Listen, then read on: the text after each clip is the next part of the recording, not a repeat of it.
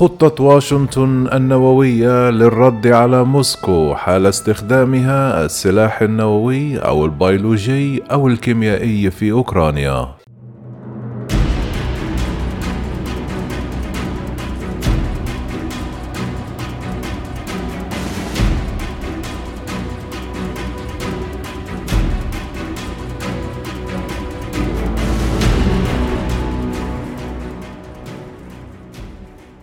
كشفت تقارير صحفية غربية أن واشنطن وضعت خطة للرد على موسكو حال استخدامها السلاح النووي أو البيولوجي أو الكيميائي في أوكرانيا.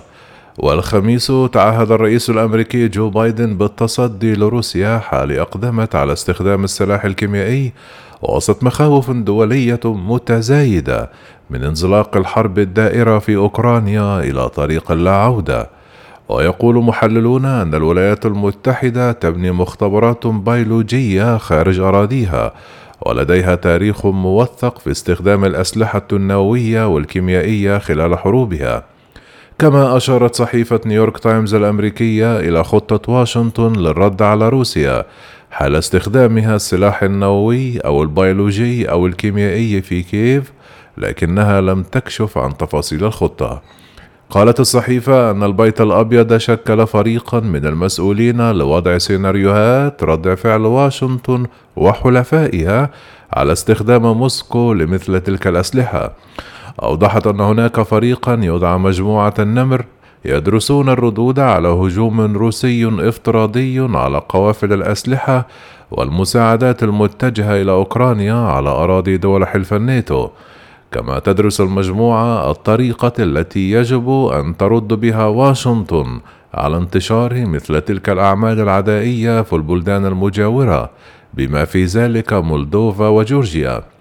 ووقع على وثيقة إنشاء مجموعة النمر مساعد الرئيس الأمريكي لشؤون الأمن القومي جاك سوليفان بعد أربعة أيام من بدء الهجوم الروسي في أوكرانيا حسب الصحيفة الأمريكية.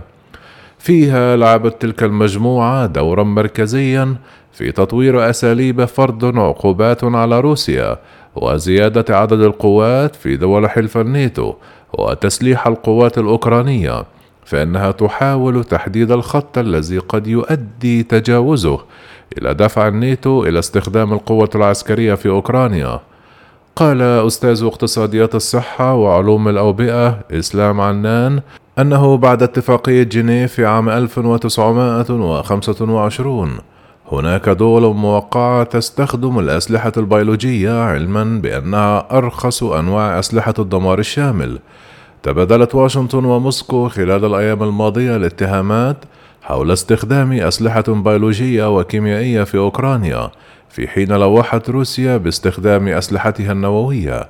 وقال بايدن عن نظيره الروسي فلاديمير بوتين يتحدث عن حجج واهية جديدة مثل التأكيد على أننا نمتلك أسلحة بيولوجية وكيميائية في أوروبا وهذا ليس صحيحا.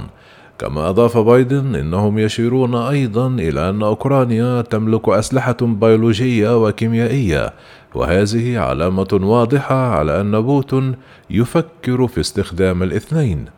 أما وزارة الدفاع الروسية فقالت أن واشنطن خصصت 32 مليون دولار لنشاط مختبرات عسكرية أوكرانية في كييف وأوديسا وخاركيف. كما خصصت وزارة الدفاع الأمريكية البنتاغون مليونا وستمائة ألف دولار لدراسة انتقال الأمراض من الخفافيش إلى البشر في كل من أوكرانيا وجورجيا وفقا لموسكو.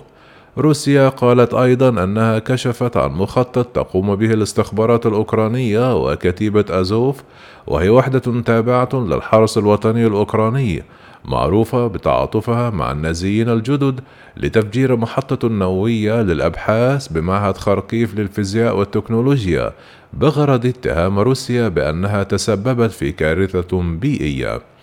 كما علق المتحدث باسم وزارة الدفاع الروسية إيغور كانيشينكوف على ذلك بالقول أن خبراء من القوات الروسية للحماية من الإشعاع والسلاح الكيميائي والبيولوجي اكتشفوا خلال الوثائق الواردة من موظفي المختبرات البيولوجية الأوكرانية وجود حقائق جديدة.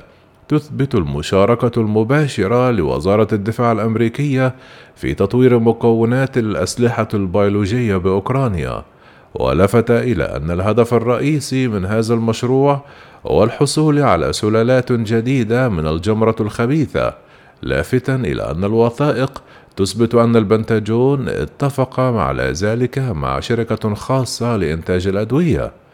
ولا يستبعد المراقبون أن يتم استخدام أسلحة بيولوجية في الحرب ما بين روسيا وأوكرانيا.